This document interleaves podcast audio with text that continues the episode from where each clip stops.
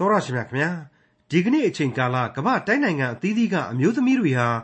အမျိုးသမီးအခွင့်အရေးဆိုပြီးလှုပ်ရှားတောင်းဆိုနေကြသလိုအမျိုးသားများနဲ့ဒန်းတူညီမျှအခွင့်အရေးပေးဖို့တောင်းဆိုနေသံတွေကိုကြားကြရပါလိမ့်မယ်။သခင်ယေရှုခရစ်တော်ကိုကယ်တင်ရှင်သခင်ဖခင်အဖြစ်ယုံကြည်ကိုးကွယ်ကြတဲ့ခရိယန်တွေရဲ့အသင်းတော်အဖွဲ့အစည်းတွေထဲမှာအမျိုးသမီးတွေရဲ့ဥဆောင်မှုဆိုတာအင်မတန်နှဲပါတယ်ဆိုတာကိုလည်းတွေ့ကြရပါလိမ့်မယ်။ဟိုးရှိတုန်းကလည်းနှဲပါခဲ့ပါတယ်။ ဒါပေမဲ့လို့အဲ့ဒီတုန်းကခရိယန်အသင်းတော်အဖွဲ့အစည်းတွေထဲမှာပါဝင်လှုပ်ရှားဆောင်ရွက်ခဲ့ကြတဲ့ရှားရှားပါးပါးအမျိုးသမီးတွေကိုခရိယန်တမန်ကျမ်းစာထဲမှာမှတ်တမ်းတင်ထားတာကိုလည်းအထင်ရှားတွေ့မြင်နိုင်ပါတယ်။ဘုရားရှင်ရဲ့ရှေ့တော်မှောက်မှာတော့ကြားမှမဟုအလုံးဟာလူသားချင်းအတူတူဖြစ်ပါတယ်။ခရိယန်အသင်းတော်အဖွဲ့အစည်းထဲမှာအမျိုးသမီးတွေရဲ့အခန်းကဏ္ဍရှိခဲ့ဘူးတဲ့အကြောင်းကိုခရိယန်တမန်ကျမ်းဓမ္မသစ်ကျမ်းပိုင်းတွေကယောမဩဝါဒစာရဲ့နောက်ဆုံးအခန်းကြီးဖြစ်တဲ့ အခန်းကြီး16အခန်းငယ်1ကနေအခန်းငယ်9အထိကိုဒီကနေ့သင်သိရသောတမန်ကျမ်းအစီအစဉ်မှာလေ့လာမှာဖြစ်ပါတယ်။တစ်ချိန်တစ်ခါတုန်းကဆိုးမိုက်ခဲ့သူဖြစ်ပေမဲ့လို့ယေရှုခရစ်တော်ရဲ့ကောင်းသောတပည့်တော်ဖြစ်ခဲ့ရတဲ့အကြောင်းနဲ့ပါဝင်တဲ့ယောမဩဝါဒစာအခန်းကြီး16အခန်းငယ်1ကနေအခန်းငယ်9အထိကိုဒေါက်တာထွန်းမြတ်အေးကအခုလိုလေ့လာဖော်ပြမှာဖြစ်ပါတယ်။ ဒီကနေ့အတွက်ကတော့ ယောမဩဝါဒစာမှာ နောက်ဆုံးကျမ်းကြီးဖြစ်တဲ့ အခန်းကြီး 16 ကိုကျွန်တော်တို့ လေ့လာသွားကြရမှာပါ။ဒီကျမ်းဟာ ယုံကြည်သူမိတ်ဆွေအပေါင်းအသင်းတို့အချင်းချင်းကြားမှာ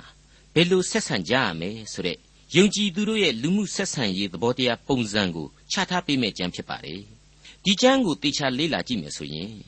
နတ်သမားအပေါင်းတို့နဲ့သာပြည့်နှဲနေတဲ့သမိုင်းတလျှောက်ယောမအင်ပါယာနိုင်ငံကြီးရဲ့မဆုံးဆနိုင်တဲ့လမ်းကျယ်ကြီးတွေ ကောလိုဆီယမ်လို့ခေါ်တဲ့မဟာအဆောက်အုံကြီးတွေကြားထဲမှာဘုရားသခင်ကိုယုံကြည်သူလူသားတစုဟာယုံကြည်ခြင်းအလင်းတရားကိုမြင်အောင်ရင်းနဲ့ကဲတင်ခြင်းတရားကိုရင်ဝယ်ပိုက်ပြီးတော့ရှောက်သွားနေကြပြီဆိုတာကိုရင်သိမ့်တုံပွဲခံစားကြရမှာဖြစ်ပါတယ်။အဲ့ဒီယုံကြည်သူတွေကင်ဆွဲတဲ့လက်နက်တွေဟာလေဒီအလင်းတရားနဲ့သက်ဆိုင်တဲ့လက်နက်တွေပဲဖြစ်ပါတယ်။ဒီလက်နက်ဆိုတာဟာဒီကနေ့အာကာသကိုတောင်လှမ်းပြီးတော့ချင်းချောက်နေနိုင်တဲ့မဟာဗျူဟာမြောက် ဒုံးပြန်လက်နက်ကြီးတွေမျိုးအရှင်းမဟုတ်ပါဘူး။အနုမြူလက်နက်ကြီးတွေလည်းမဟုတ်ပါဘူး။ယောမဩဝါဒစာဆောင်ဆိုတဲ့ကြမ်းကြီးတဲ့ကယုံကြည်သူတို့ခံယူချက်သဘောတရားများအဖြစ်ကျွန်တော်တို့နားလေခဲ့ကြပြီးတဲ့ကဲတင်ခြင်းလက်နက်စုံပဲဖြစ်ပါတယ်အဲ့ဒီဝမ်းမြောက်ဖွယ်ကဲတင်ခြင်းသတင်းစကားတဲ့သတင်းစကားသတင်းတရားဟာဆိုရင်အမှန်တကယ်အသက်ဝင်တဲ့အလင်းများအဖြစ်အဲ့ဒီအေယာမကပအာနာရှင်ယောမလူအဖွဲ့အစည်းကြားမှာ စတင်ရှင်သန်လှုပ်ရှားနေပြီဆိုပြီးတော့ကျွန်တော်ယင်ထဲမှာကြည်နူးနှစ်သိမ့်စွာနဲ့တွေးတောခံစားမိပါတယ်မိတ်ဆွေအပေါင်းတို့ခမညာအခုယောမဩဝါဒစာဏိဂုံးပိုင်းကိုတချို့တချို့သောလူတွေဟာဒီဩဝါဒစာကိုရေးသားသူဟာရှင်ပေါလုမဟုတ်သလိုလိုအပိုဆောင်းထားတဲ့ကြမ်းလိုလိုခံယူပြီးတော့ပယ်ရှောင်ကြတာကိုဝန်းနေဝန်းနေပွေကြားဘူးပါတယ်ဝန်းနေပွေကြားဘူးတယ်လို့ကျွန်တော်ကပြောတာကတော့အကြောင်းရှိပါတယ်ဒါကိုတော့ရှေ့လျှောက်ပြီးတော့မိတ်ဆွေတို့တွေ့လာမှာပါ အဲ့ဒီလိုကြမ်းကိုပယ်ရှောင်သူတို့ဟာကျွန်တော်စိတ်ထဲမှာတော့သင်္ကန်းစာကောင်းများကိုအကြီးအကျယ်ဆုံးရှုံးကြရပြီဆိုပြီးတော့နှမျောတန်တမိပါတယ်အခုအခန်းကြီး16အတွင်းမှာဆိုရင်ယုံကြည်သူခရိယန်35ယောက်တို့ရဲ့အမည်နာမတွေကိုတွေ့ရပါတယ်သူဖော်ပြတဲ့အမည်နဲ့ပုံကိုယ်တွေဟာဆိုရင်ယောမမှာရှိနေရင်းဆွဲလူတွေပါမယ်ယောမကနေပြီးတော့ပြင်ပကိုရောက်နေတဲ့ယောမသားတွေလည်းဖြစ်နိုင်စရာရှိတယ်လို့နှစ်ခွတွေးနိုင်ပါတယ်ခမန်းချက်အရာကတော့ အခုတမန်တော်ကြီးရှင်ပေါလုဟာယောမဩဝါဒစာကိုသူ့ရဲ့ပြင်ပခရီးစဉ်မှာအခါအားလျော်စွာရေးသားနေခြင်းဖြစ်ပါတယ်။အများဆုံးဖြစ်နိုင်တာကတော့ကောရိန္သုခရီးစဉ်အတွင်းမှာဒီဩဝါဒစာကြီးကိုရေးသားခဲ့ခြင်းပဲလို့ကျွန်တော်တွက်ဆပါတယ်ဒီမေတ္တာစာတနည်းအားဖြင့်ဩဝါဒစာဟာဖြင့်အလွန်တရာလှပသတ်ပေတဲ့ဩဝါဒစာဆောင်ဖြစ်တယ်ခရစ်တော်ကိုအမှန်တကယ်ချစ်သောသူတို့အဖို့သူတို့ရဲ့နှလုံးသားများကစီးဆင်းတဲ့ သိမ်မွေ့သောစမ်းကြောင်းကလေးတွေရဲ့စီးဆင်းခြင်းကိုရှုမြင်ခံစားရတယ်လို့ပဲလို့ကျွန်တော်ကတွေးဆမိပါတယ်အခုအချိန်ကာလမှာလက်နဲ့နိုင်ငံတော်ကြီးလည်းဖြစ်တင်းကျပ်တဲ့အုပ်ချုပ်မှုဥပဒေအာဏာစက်နဲ့ကဘာတဝန်းကိုလွှမ်းမိုးနေတဲ့လူအဖွဲ့အစည်းလည်းဖြစ်တဲ့ယောမတို့အရက်ဒေသမှာအလွန်တွေ့ဖို့ခဲရင်တဲ့မေတ္တာစိတ်ဓာတ်တွေးကိုဒီယုံကြည်သူတို့ရဲ့နှလုံးသားဟာနေရောင်ပြန်ဟပ်နေပြီလို့ကျွန်တော်တွေးခေါ်မိပါတယ်အဲ့ဒီမေတ္တာတရားဟာ မယုံကြည်သူနတ်သမားယောမသားတို့အဖို့အလွန်အလွန်အံ့ဩဖွယ်ဖြစ်ခဲ့လိမ့်မယ်ပါဇက်အဟောင်းသားဟပြီးတော့ငေးကြည့်နေရလောက်အောင်လင်းလက်အစင်လှပခြင်းရှိခဲ့လိမ့်မယ်လို့ကျွန်တော်ယုံကြည်ပါတယ်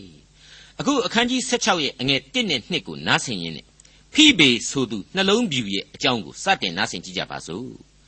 ကင်ချေအသင်းတော်၌သင်းတောက်မိမဖြစ်သောငါတို့နှမဖိဘေကိုသင်တို့ထံသို့ငါသွင်းပေး၏တန်ရှင်းသူတို့သည်ပြုသင့်သည့်အတိုင်းသခင်ဖျားကိုထောက်၍ ထိုသူကိုလက်ခံကြလော့သူသည်အကူအမလိုသမျှသောအမှုတို့၌သူ့ကိုကူမကြလော့အကြောင်းမူကားသူသည်များစွာသောသူတို့ကို၎င်းငါကို၎င်းမဆသောသူဖြစ်၏ဖိဘေဆိုတဲ့အမည်အရဒီအမျိုးသမီးဟာဂျူးမဟုတ်တဲ့တပါးအမျိုးသမီးတယောက်ဖြစ်လိမ့်မယ်ဆိုတာသိကြပါလေဖိဘေသို့မဟုတ်ဖေဘီဆိုတာဟာ Greek နတ်သမီးအမည်တစ်ခုဖြစ်ပါတယ် Diana Artemis ဆိုတဲ့အမည်တွေနဲ့အတူတူလိုပါပဲ Diana ဆိုတာကတော့ Greek နတ်သမီးပုံပြင်တွေထဲမှာလာမင်းစန္ဒာကိုဆိုလိုပါတယ် Latin ဘာသာနဲ့ကျတော့ Selinus လို့ခေါ်ပါတယ်သူ့ရဲ့အကိုကတော့နေနတ်သားကြီးအပိုလိုပဲဖြစ်တဲ့အကြောင်းဘ ഹു တုတအဖြစ်ကျွန်တော်တင်ပြလိုက်ပါရစေယုံကြည်သူတော်တော်များများဟာ baptism လို့ခေါ်တဲ့ဗတ္တိဇံကိုခံယူရင်းနဲ့မူရင်းနာမည်တွေကိုခရိယန်ဘက်စီရောက်ကုန်ကြောင်းသိစေရမယ်ဆိုတဲ့ခံယူချက်နဲ့နာမည်တွေပြောင်းလေရှိကြပါတယ်။သမာကျမ်းစာတွေကနာမည်တွေကိုပြောင်းလေရှိတဲ့သဘောပေါ့။ အခုဖီဘေဆိုတဲ့အမျိုးသမီးကတော့မပြောင်းပါဘူး။ဒါဟာသူ့သဘောကျတယ်လို့သူ့နာမည်အရင်ကလေးကိုထိမ့်သိမ့်ခြင်းဖြစ်တယ်။နှစ်လူပွဲဟာကောင်းတယ်လို့ကျွန်တော်ကထောက်ခံလိုက်ပါရစေ။ကင်ချေဆိုတဲ့မြို့ဟာကောရိန္သုရဲ့အရှိဘက်ကမ်းရိုးတန်းဒေသမှာတည်ရှိနေပါတယ်။အခုဖိဘေဟာဆိုရင်အဲ့ဒီကင်ချေအသင်းတော်မှာထင်ရှားတဲ့အမျိုးသမီးခေါင်းဆောင်တစ်ယောက်ဖြစ်ခဲ့ပါတယ်။တမန်တော်ကြီးဟာအဲ့ဒီစာကိုဒီယောမဩဝါဒစာကိုယောမမြို့စီကိုပို့ဖို့အတွက် အခုဖိဘေနဲ့လူကြုံပါလိုက်တယ်ဆိုတော့ဖိဘေဟာအတော်အလုတ်လုတ်တဲ့မိန်းမသားတစ်ယောက်ဖြစ်လိမ့်မယ်။ဖြက်လက်သွက်လက်သူဖြစ်လိမ့်မယ်။စိတ်ချယုံကြည်တတ်သူဖြစ်လိမ့်မယ်။ချက်ချက်ချာချာရှိသူဖြစ်လိမ့်မယ်လို့ကျွန်တော်တို့ရှင်းရှင်းကြီးနားလည်ရပါတယ်။ငါနှင့်အတူများစွာသောလူတို့ကိုမဆသောမိမဆိုပြီးတော့ဖီဘေအကြောင်းကိုတမန်တော်ကြီးရှင်ပေါလုကဂုဏ်ပြုထားပါတယ်ကျွန်တော်အနေနဲ့ကလည်းဖီဘေကိုအလွန်ပဲလေးစားသွားမိပါတယ်နှုတ်ကပတ်တော်ရဲ့ဂန္ဓာပေါင်းများစွာတို့အလဲမှာ မင်္ဂလာရှိသောမိမတို့အကြောင်းတွေသီလနဲ့ပြည့်စုံသောမိမတို့အကြောင်းတွေကိုကျွန်တော်အချိန်ချင်းကြားရပါတယ်အဲ့ဒီထဲမှာတော့ဖိဘေဟာဣသရေလမဟုတ်တဲ့တိုင်းတစ်ပါးသူဖြစ်တယ်သူဟာအတိတ်ကာလကတပါးအမျိုးသားတခြားလူမျိုးတွေဖြစ်တဲ့မောဘလွင်ပြင်သူရုသဣသရေလရဲလို့မတီရှိမီအချိန်ကလေးကဣ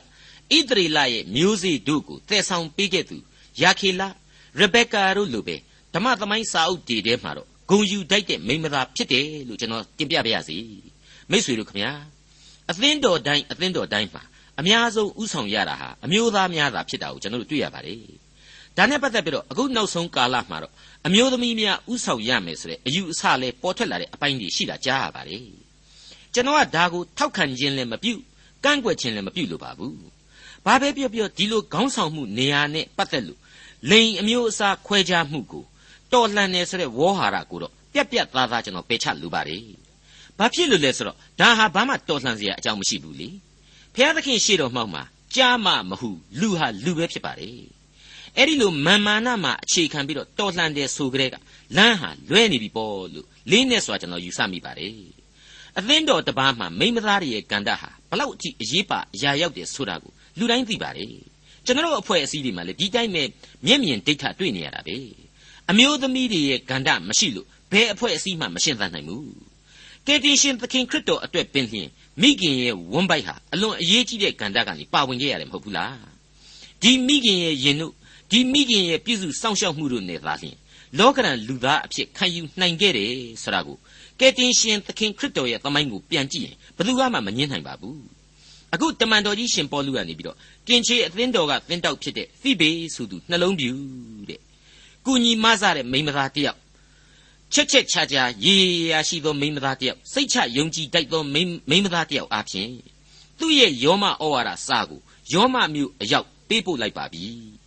တိုးတက်ဖွံ့ဖြိုးပြီးသားယောမမှာစာရိုက်ဆက်သွယ်ရေးစနစ်ရှိခဲ့ပါလိမ့်မယ်။ဒါပေမဲ့ဖိဘေရဲ့လက်များဟာပုံမလုံခြုံစိတ်ချရလို့တမင်ထည့်ပေးလိုက်ခြင်းဆိုတာရှင်းနေပါလေ။ယောမပြည်သူများသို့ဆိုတဲ့ခေါင်းစဉ်နဲ့ပေါလုဘယ်လိုဆက်လက်နှုတ်ခွန်းဆက်မယ်ဆိုတာကိုကြည့်ကြပါအောင်စို့။ ယောမဩဝါဒစာအခန်းကြီး16အငယ်3နဲ့4ငါနှင့်အတူယေရှုခရစ်အမှုတော်ကိုဆောင်ရွက်တော်သူပြစ်ကိလနှင့်အာကုလကိုနှုတ်ဆက်ကြလော့။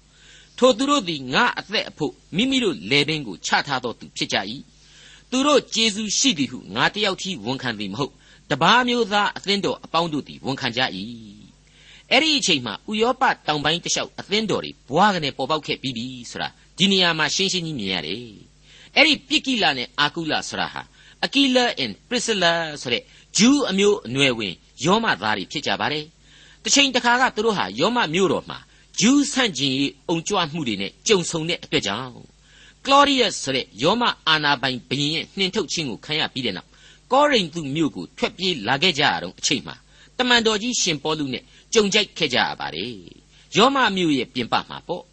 သူတို့ကတဲရှင်ချုပ်တက်တဲ့လူတွေဖြစ်ပြီးတော့ အဲ့ဒီခေတ်အခါကစတိုးဆိုင်ကြီးတစ်ခုလိုဆိုင်မျိုးကိုပိုင်ခဲ့ဟန်ရှိပါတယ်ပိုက်ဆံရှိပုံရပါတယ်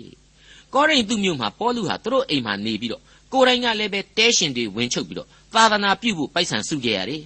သူတို့နဲ့အတူတကွနေထိုင်ခဲ့ရတော့စိတ်သဘောကောင်းတာတွေကိုပေါလုသိခဲ့ပါလိမ့်မယ်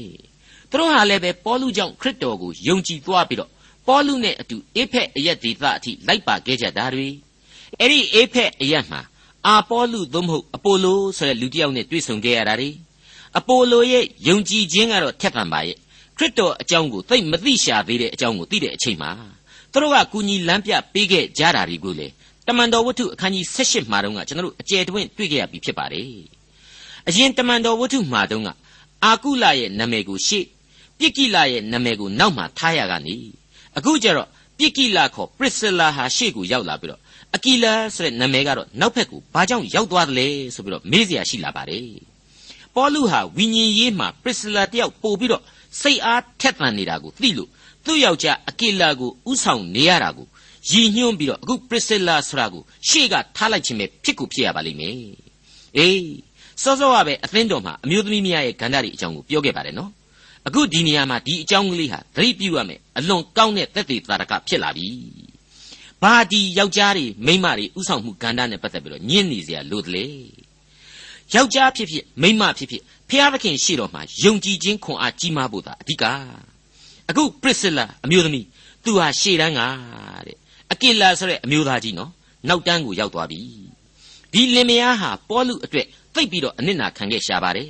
အထူးသဖြင့်ပေါလုတယောက်ဒန်နျူမြစ်ဝမ်းဒေသဖြစ်တဲ့ဥရောပအလယ်ပိုင်းအီလူရိတ်ပြည်အထိ ခြေဆန့်နိုင်ဖို့အတွက်ငွေရေးကြေးရေးအကူအညီတွေပုံပြီးတော့ပေးခဲ့လိမ့်မယ်လို့ကျွန်တော်ခံယူပါတယ်။ဒါကြောင့်လဲပေါလုကအခုပြောတယ်လေ။ထိုသူတို့သည်ငါအသက်အဖို့မိမိတို့လေပင်ကိုချထားခဲ့ကြသည်။သူတို့ကျေးဇူးကြီးခြင်းကိုငါသာမဟုတ်တပားမျိုးသားအသင်းတော်အပေါင်းတို့ကဝန်ခံခဲ့ကြရသည်တဲ့။ဘလောက်ကောင်းတယ်လေ။ယောမဩဝါဒစာအခန်းကြီး16အငယ်9သူတို့အိမ်၌ရှိသောအသင်းတော်ကိုလည်းနှုတ်ဆက်ကြလော့။အာရှိပြည်တွင်ခရစ်ဖို့အူသီးသောအသီးဖြစ်သော ငါချစ်သားအေးပဲနဲ့ကိုလည်းနှုတ်ဆက်ကြလော့အသင်းတော်တို့ဖြစ်လာတယ်ဆိုတော့အဆောက်အုံကြီးတွေဟိုမာဒီမှာမိုးမိုးမမတ်နဲ့ဖြစ်လာတာကိုတွေ့ရတာမျိုးကျွန်တော်မဆို့လို့ပါဘူးပြီးတော့ခေါင်းလောင်းသံတွေဟိုကဒီကကြားနာခဲ့ရခြင်းမျိုးလည်းမဟုတ်ခဲ့ပါဘူးကနဦးခရိယန်တို့ဟာအိမ်ကျဲကျဲရှိတဲ့နေရာဒီမှာသာဖះရှိခိုးကြရမယ်အထူးသဖြင့်ဆုတောင်းဝတ်ပြုခဲ့ကြရပါလိမ့်မယ်ဆာလံတေးသချင်းတွေကိုရှင်ပေါလုရှင်လုကာတို့ဟာသင်ကြားပေးပြီးတော့ အဲ့ဒီရှေးဟောင်းတေးတွေနဲ့လေဂုံတော်ကိုသူတို့ချီးမွမ်းခဲ့ကြပါလိမ့်မယ်မိษွေတို့ဒီနေရာမှာတခဏလောက်စဉ်းစားဖို့တခုကျွန်တော်ထည့်ပြီးတော့ပြောလိုပါတယ်အဲ့ဒါကတော့ခရစ်တော်မပေါ်ခင်နှစ်ပေါင်း900လောက်ကတည်းက Alexander the Great ဆိုတဲ့ Greek အာနာရှင်ကြီးဟာဖျားသခင်ကိုသိခွင့်ရခဲ့တယ်ယုံကြည်ကိုးကွယ်ခဲ့တယ်မကိုးကွယ်တယ်ဆိုတာကကျွန်တော်အတိအကျမပြောနိုင်တာသူဟာအလွန်ကြီးမားတဲ့ဓမ္မအမှုတော်ဆောင်ကိုတော့ဖျားသခင်ခိုင်းစေတဲ့အတိုင်းဆောင်ရွက်ပေးသွားခဲ့ပါတယ် အဲ့ဒီဘယင်ကြီး Alexander the Great ဆိုတဲ့ပုဂ္ဂိုလ်ကြီးရဲ့ဆောင်ရွက်ချက်ကတော့တခြားမဟုတ်ဘူးဓမ္မဟောင်းကျမ်းကြီးပေါင်းများစွာကို Greek စာပေနဲ့ပြန်ဆိုပေးခဲ့ခြင်းပဲဖြစ်ပါတယ်သူဟာသူ့ရဲ့ကိုလိုနီနိုင်ငံအီဂျစ်က Alexander မြို့တော်ကြီးစီကိုဂျူးကျမ်းတပ်ပုဂ္ဂိုလ်ပေါင်း80ခန့်ကိုဖိတ်ခေါ်စုဝေးစေပြီးတဲ့နောက်ဓမ္မဟောင်းကျမ်းများကိုတီးဖြတ်စေခဲ့ပါတယ်ဘလောက်အထိအမျှော်အမြင်ကြီးတယ်လေ Greek လိုလေအဲ့ဒီကျမ်းတွေကိုဘာသာစတင်ပြန်ဆိုစေခဲ့တယ်လို့ဆိုပါတယ် အဲ့ဒီတော့အခုတပါးမျိုးသားအသင်းတော်ကယုံကြည်သူတို့ဟာအဲ့ဒီအချိန်ကာလမှာကဘာသုံးစာပေဖြစ်နေတဲ့ Greek ဘာသာနဲ့နှုတ်ကပတ်တော်ဓမ္မဟောင်းပိုင်းများကိုပါရှင်တွဲလေ့လာနိုင်ကြပြီဆိုတာတွက်ဆလို့ကျွန်တော်တို့ရနိုင်ကောင်းပါတယ်ပြီးတော့ဘုရားသခင်ရဲ့နှုတ်ကပတ်တော်ဟာအသက်ရှိတယ်ဝိညာဉ်အလင်းရှိတယ်ဆိုပြီးတော့ကျွန်တော်ဏ္ဍန်ပြောခဲ့တာဟာလွဲသလားဘုရားသခင်ရဲ့စီရင်တော်မူချက်တွေဟာအံ့ဩလို့မကုန်နိုင်အောင်နဲ့နဲတဲ့ဆိုပြီးတော့ကျွန်တော်ဖော်ပြခဲ့တာဟာလွန်သလား ဒါကိုလူတိုင်းအထူးပဲသဘောပေါက်ဖို့သမိုင်းဖြစ်စဉ်တွေဟာရှင်းရှင်းကြီးညွှန်ပြနေပါတယ်အဲ့ဒီလိုယုံကြည်သူတို့အဖို့ဘဖျားရှိခိုးကြောင်းတွေမရှိသေးတာဟာပိုက်ဆံမရှိလို့မဟုတ်ပါဘူးနော်ခရစ်တော်ဆန့်ကျင်ရေးသမားတွေဟာအဲ့ဒီအချိန်မှာအများစုဖြစ်နေတော့အမျိုးမျိုးအဖုံဖုံနှိပ်စက်ကြကန့်ကွက်ကြနေရာမရအောင်လှုပ်ကြလှုပ်ခဲ့လို့ပဲဖြစ်ရပါမယ်တကယ်တော့ခရစ်တော်ဆန့်ကျင်ရေးသမားတွေမသိတဲ့အချက်တွေကိုခရိယန်တွေဟာသိနေကြပါပြီဖျားသခင်ဟာနံဝိညာဉ်ဖြစ်တော်မူတယ် သူ့ကိုနံဝိညာဉ်နဲ့သာကိုးကွယ်ရမယ်ဆိုတဲ့အချက်ဖျားသခင်ဟာသူဖန်ဆင်းခဲ့တဲ့စัจ java လာနဲ့တောင်မဆန့်တဲ့အထိစိုးမိုးနိုင်စွမ်းရှိသူဖြစ်တယ်ဗိမာန်တော်ဆိုတာဟာသူ့ခြေတင်ရာခုံအဆင့်သာဖြစ်တယ်ဆိုတာတွေကိုသိတဲ့ခရိယန်တွေအဖို့အသင်းတော်နေရာဟာနှလုံးသားများဖြစ်ခဲ့ပါတယ်ယုံကြည်သူတို့ရဲ့အိမ်တွေမှာသာအစုအဝေးပြုတ်ပြီးတော့ဖျားသခင်ကိုကိုးကွယ်နေကြဒါဟာလေဗိမာန်တော်မှာကိုးကွယ်ခြင်းနဲ့ ဘာမှမထူးဘူးဆိုတာကိုယုံကြည်သူတို့ကောင်းစွာသဘောပေါက်နားလည်ခဲ့ကြပါတယ်အခုလိုယုံကြည်သူတို့ရဲ့အိမ်များမှာသာဖျားရှိခိုးကြတယ်ဆိုတာကိုတမန်တော်ဝတ္ထုအခန်းကြီး7အငယ်7ကောလောသဲဩဝါဒစာအခန်းကြီး4အငယ်15ကောရိန္သုဩဝါဒစာအခန်းကြီး16အငယ်19ဖိလေမုန်ဩဝါဒစာရဲ့တခုတည်းသောအခန်းကြီးအငယ်1တို့မှာကျွန်တော်တို့ကောင်းစွာပြန်လှန်လေ့လာကြည့်နိုင်ပါတယ်ပမာအားဖြင့်ဖိလေမုန်ရဲ့ဖော်ပြချက်ကလေးဟာလုံလောက်နိုင်မယ်ထင်လို့ ကျွန်တော်အခုဖတ်ပြပါရစေဖိလေမုန်ဩဝါဒစာအငယ်1ယေရှုခရစ်နှင့်ဆက်ဆိုင်သောအဖြစ်အကျဉ်းခံရသောငါပေါလုနှင့်ငါညီတိမောသေတို့သည်ငါတို့ချစ်သောလှုပ်ဖို့ဆောင်ပဲ့ခြင်းဖိလေမုန်ငါတို့ချစ်သောနှမအပိငါတို့စစ်သူရဲ့ချင်းအာခိတ်ပုမှစ၍သေဤအိမ်၌ရှိသောအသင်းတော်ကိုကြားလိုက်ပါ၏တဲ့ဘလောက်တောင်ထဲဝါခံညာခြင်းရှိတဲ့အဆိုအဖွဲ့လေအိမ်၌ရှိသောအသင်းတော်ကိုကြားလိုက်ပါ၏တဲ့ ကွက်ခနဲ့မြင်ရလောက်အောင်ရှိတဲ့မြင်ကွင်းလေးတစ်ခုပဲလို့ကျွန်တော်ကမြင်အောင်မိပါတယ်အဆောက်အဦကြီးကသာစုလက်မွန်းကျွန်းတို့ခေါင်းလောင်းတန်တို့လက်ဝါးကတ်တိုင်တို့ကိုမဖော်ပြနိုင်တာမရှိတာပါဒီအိမ်ရဲ့အသင်းတော်ဟာချစ်တတ်သောလူသားတို့ရဲ့ဝိညာဉ်အင်အားပြည့်ဝသောနှလုံးသားများအမိသဟဲပြူရာအရက်ဖြစ်တယ်ကဲတင်ခြင်းအလင်းတရားကိုဆောင်ကျင်းရာအရက်ဖြစ်တယ်ဒီအရက်တွေကဆူတောင်းသံများအတွက်လေဖျားသခင်ဟာအစဉ်တစိုက်နားညောင်းပြီးတော့ ကောင်းကြီးအမျိုးမျိုးပေးနေခဲ့လိမ့်မယ်အမှန်ပါပဲမိတ်ဆွေအပေါင်းတို့ခမညာယုံကြည်သူတို့ရဲ့အိမ်များဟာအသင်းတော်များဖြစ်ခဲ့ဘူးသလိုခရစ်တော်ကြွလာကနီအချိန်ရောက်လာရင်လေအသင်းတော်ဆရာဟာအိမ်တောင်မိသားစုတစ်ခုချင်းအဆင့်ကိုကူးသွားနိုင်တယ်လို့ဓမ္မဆရာအတော်များများကယုံကြည်နေပါတယ်ပြောင်းလဲတိုးတက်နေတဲ့လူအဖွဲ့အစည်းရဲ့ပုံစံဟာလေအဲ့ဒီအချက်ကိုထောက်ခံနေတယ်လို့ပုံစံမျိုးရှိတယ်လို့ကျွန်တော်တွေးမိပါတယ်အဲ့ဒီလိုကနဦးအသင်းတော်တို့ဟာအိမ်တွေမှာပဲတည်ခဲ့ပြီမေ နောက်ထပ်နှစ်300လောက်ကြာတဲ့အချိန်မှာတော့အသင်းတော်အဆောက်အုံကြီးတွေဟာလူသားတို့ရဲ့လက်ရာတွေအဖြစ်စတင်တိဆောက်ပေါ်ထွန်းလာခဲ့ပါတယ်ဒီကနေ့ဒီအချိန်မှဆိုရင်လေအသင်းတော်အဆောက်အုံများတို့အတွက်စုဆောင်းကြတာအလှငွေတွေခံကြတာစီယုံလှုံ့ဆော်ကြတာတွေကိုနေရာတကာမှာကျွန်တော်တို့ကြားနေရပါတယ်ကျေးဇူးတော်ကိုထိတွေ့ခံစားရသူတန်းရဲ့စေတနာဆန္ဒကနေပေါ်ထွက်တဲ့အဆောက်အုံများဖြစ်ပါတယ်ဖျားသခင်ကိုတော်တိုင်းကလည်းကောင်းကြီးပေးရအရာများဖြစ်တဲ့အတွက် ကျွန်တော်ဘုရားသခင်ကိုကျေးဇူးတော်ချီးမွမ်းပါတယ်အဲ့ဒီအဆောက်အုံများရဲ့အောက်မှာလူသားတဦးချင်းရဲ့ဝိညာဉ်ရေးစွန့်ပကတတ္တိတို့အပြည့်အဝရှိနိုင်ကြပါစေလို့လေကျွန်တော်ကတော့ဆုတောင်းမေတ္တာပို့သလိုက်ပါရစေတမန်တော်ကြီးရှင်ပေါလုဟာပရစ်လာတို့အကီလာတို့ရဲ့အိမ်အသင်းတော်ကနေတဆင့်အေးပက်နဲ့ဆိုတဲ့သူ့ရဲ့သားလို့ချစ်ရသောလူငယ်လေးတယောက်ကိုလေတပါးတည်းနှုတ်ဆက်လိုက်ပါကွယ်ဆိုပြီးတော့မေတ္တာရက်ခန္တာကိုယောမဩရာစာမှာတွေ့ရပါတယ်အဲ့ဒီအေးပက်နဲ့ သို့မဟုတ်အပေနစ်တဆိုတာဟာအာရှတိုက်သားတွေတဲကနေပထမဦးဆုံးခရိယန်အဖြစ်ပြောင်းလဲသူလို့ဆိုပါတယ်ကျမ်းစာအရာအာရှိပြည်သားတဲ့ကျွန်တော်စိတ်မှန်းချက်အရာဆိုရင်အာရှအလယ်ပိုင်းသားတယောက်ဖြစ်ရပါလိမ့်မယ်ယောမနယ်မြေမှာတမန်တော်ကြီးအဖြစ်ခရစ်တော်ကိုလက်ခံသွားခဲ့သူနောက်ပိုင်းမှာကျတော့ရေကြီးရာမျက်နှုရာဆိုသလိုစီးပွားရေးလုပ်ငန်းခွက်ကောင်းတဲ့ယောမမြို့ကြီးစီကိုသူသွားရောက်အခြေချနေထိုင်ကြောင်းကိုတမန်တော်ကြီးရှင်ပေါလုသိထားလို့ အခုလိုနာမည်ထည့်သွင်းလိုက်ခြင်းပဲလို့သဘောပေါက်နိုင်လောက်ပါတယ်ယောမဩဝါဒစာအခန်းကြီး16အငယ်6ငါတို့အမှုကိုစ조사၍ဆောင်ရွက်သောမာရိကိုနှုတ်ဆက်ကြလော့ခရစ်တော်ရဲ့မိခင်ဟာလည်းမာရိအခုအသင်းတော်မှာအလွန်တက်တက်ကြွကြွနဲ့အမှုတော်ကိုစ조사ပန်းစားဆောင်ရွက်သူကလေးတူနာမည်ကလည်းမာရိပါပဲအဲ့ဒါကတော့အင်္ဂလိပ်လိုမေရီပေါ့မေရီယမ်ဆိုတာနဲ့လည်းတူညီပါတယ်အတိတ်ဘယ်ကတော့ပုံကန်ခြားနာခြင်းတဲ့ခရစ်တော်မိခင်မေရီနဲ့ အခုမေရီဟာနှစ်ယောက်စလုံးခေါင်းခတ်မာမာမိန်းကလေးတွေပဲလို့ကျွန်တော်ယူဆပါတယ် The two from Galilee ဆိုတဲ့အချစ်ဝတ္ထုရှည်ကြီးထဲမှာကျွန်တော်ဖတ်ရတဲ့အတိုင်းဆိုရင်တော့မေရီဟာအမှန်တကယ်ခေါင်းမာတယ်ဆိုတာကိုစာရေးဆရာမကြီး Marjorie Holmes ကဖော်ပြထားပါတယ်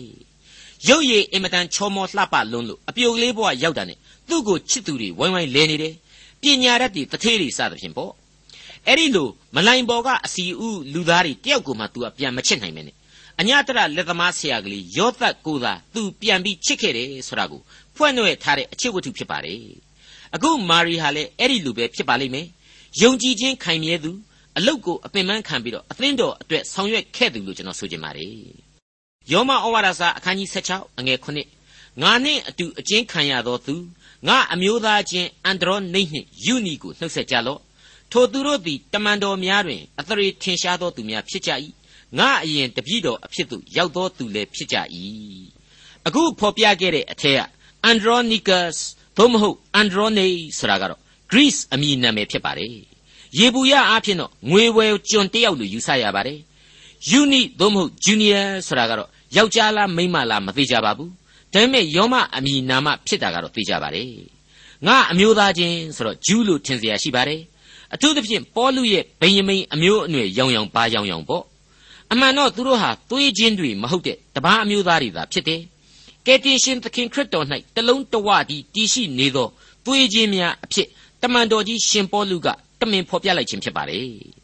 ဒီကနေ့ကျွန်တော်တို့ကဘာမှာဆိုရင်အဖြူအဝါအမဲအညိုမခွဲခြားပဲနဲ့ကယ်တင်ခြင်းတရားကိုလက်ခံသူအလုံးဟာညီအကိုမောင်နှမများသာဖြစ်တယ်ဆိုတာကိုကျွန်တော်တို့လေးနဲ့စွာသဘောပေါက်ခံယူဖို့လိုပါတယ်အခုရှင်ပေါလုဖော်ပြတဲ့အတိုင်းဆိုရင် အန်ဒရောနိတ်နဲ့ယူနီဆိုတာဟာအကျဉ်းတောင်တစ်ခုခုအတွင်းမှာတမန်တော်ကြီးရှင်ပေါလုအကျဉ်းကျခံရစဉ်အကျဉ်းသားများအဖြစ်တွေ့ကြုံရတဲ့အခိုက်သူတို့ရဲ့ဝိညာဉ်တွေကိုကယ်တင်ပေးခဲ့တဲ့အတွက်ကြောင့်သူတို့ဟာခရိယန်များဖြစ်လာတယ်လို့ကျွန်တော်တို့အလေးအနက်ယုံကြည်နိုင်ပါတယ်ဒီတော့အကီလာနဲ့ပရစ်စလာတို့ကိုရှင်ပေါလုဟာကုံတယ်တို့ရဲ့လမ်းကြောင်းမှာဆုံခဲ့ရတယ်တနည်းအားဖြင့်ဈေးထဲမှာဆုံခဲ့ရတယ်ပေါ့အခုအန်ဒရောနိတ်နဲ့ယူလီတို့ကြတော့ထောင်ထဲမှာတွေ့ကြရတယ်မတူညီသောတွေ့ဆုံခြင်းလို့ဆိုနိုင်တာပေါ့ ဘဝပုံစံတို့အမျိုးမျိုးမှာစုံစည်းခြင်းအမျိုးမျိုးလို့ဆိုခြင်းဆိုနိုင်မှာပါမိษွေအပေါင်းတို့ဖျားသခင်ရဲ့ကယ်တင်ခြင်းစုကျေးဇူးဆိုတာဟာနေမြေအကန့်အသတ်မရှိသလိုလူဘဝရဲ့အခြေအနေပုံစံအကန့်အသတ်မရှိဘူးဆိုတာကိုလေကျွန်တော်တို့အထူးသတိပြုကြရပါလိမ့်မယ်လူချမ်းသာတွေဖြစ်တဲ့အကီလာပရစ်စလာတို့ဟာကယ်တင်ခြင်းကျေးဇူးကိုခံစားရသလိုယာဇဝတ်သားဖြစ်တဲ့အန်ဒရောနိနဲ့ယူနီတို့ဟာလေကယ်တင်ခြင်းစုကျေးဇူးကိုခံစားကြရပြီမဟုတ်ဘူးလားဒီတော့ကယ်တင်ခြင်းကျေးဇူးဆိုတာဟာ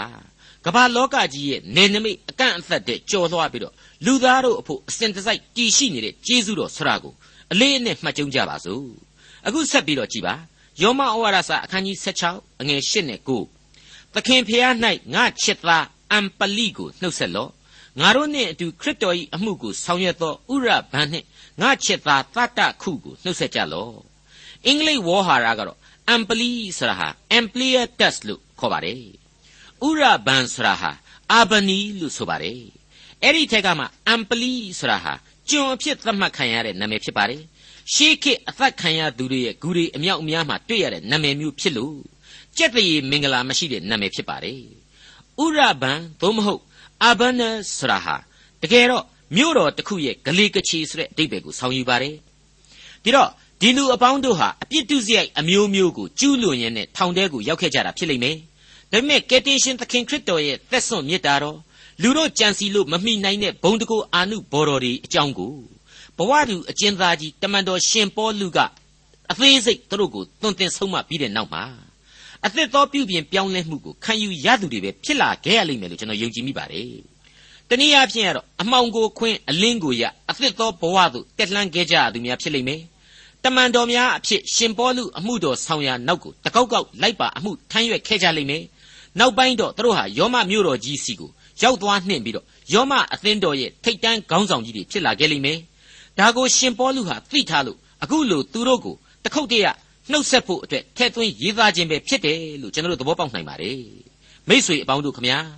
အသက်ရှင်တော်မူသောအနန္တတကုရှင်ဘုရားသခင်ရဲ့ကျေးဇူးတော်ကယ်တင်ခြင်းစွမ်းအားနဲ့ပြုတော်မူသောကျေးဇူးဂရုဏာတော်တွေဟာဖြင့်ပြောလို့မကုန်ယုံလို့မဝ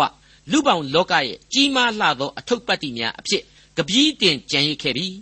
ဒါကိုတမန်တော်ကြီးရှင်ပေါလုဟာသူ့ရဲ့ယောမဩဝါဒစာဏိဂုံးပိုင်းမှာအသေးစိတ်ဖော်ပြခဲ့တယ်ဆက်လက်ပြီးတော့လဲနောက်နေ့အစီအစဉ်ဒီမှာဖော်ပြသွားအောင်မှာဖြစ်တဲ့အကြောင်းကြိုတင်အစီရင်ခံရင်ဒီကနေ့အဖို့ရန်နာပါရစေဒေါက်တာထွန်းမြတ်အေးစီစဉ်တင်ဆက်တဲ့တင်ပြတော်တမချန်းအစီအစဉ်ဖြစ်ပါတယ်နောက်တစ်ချိန်အစီအစဉ်မှာခရိယန်တမချန်းဓမ္မသစ်ကျမ်းပိုင်းတွေကယောမဩဝါဒစာရဲ့နောက်ဆုံးအခန်းကြီးဖြစ်တဲ့အခန်းကြီး16အခန်းငယ်30ကနေ အခန်းငယ်29အထိကို လေ့လာမှာဖြစ်တဲ့အတွက် စောင့်မျှော်နားဆင်နိုင်ပါတယ်။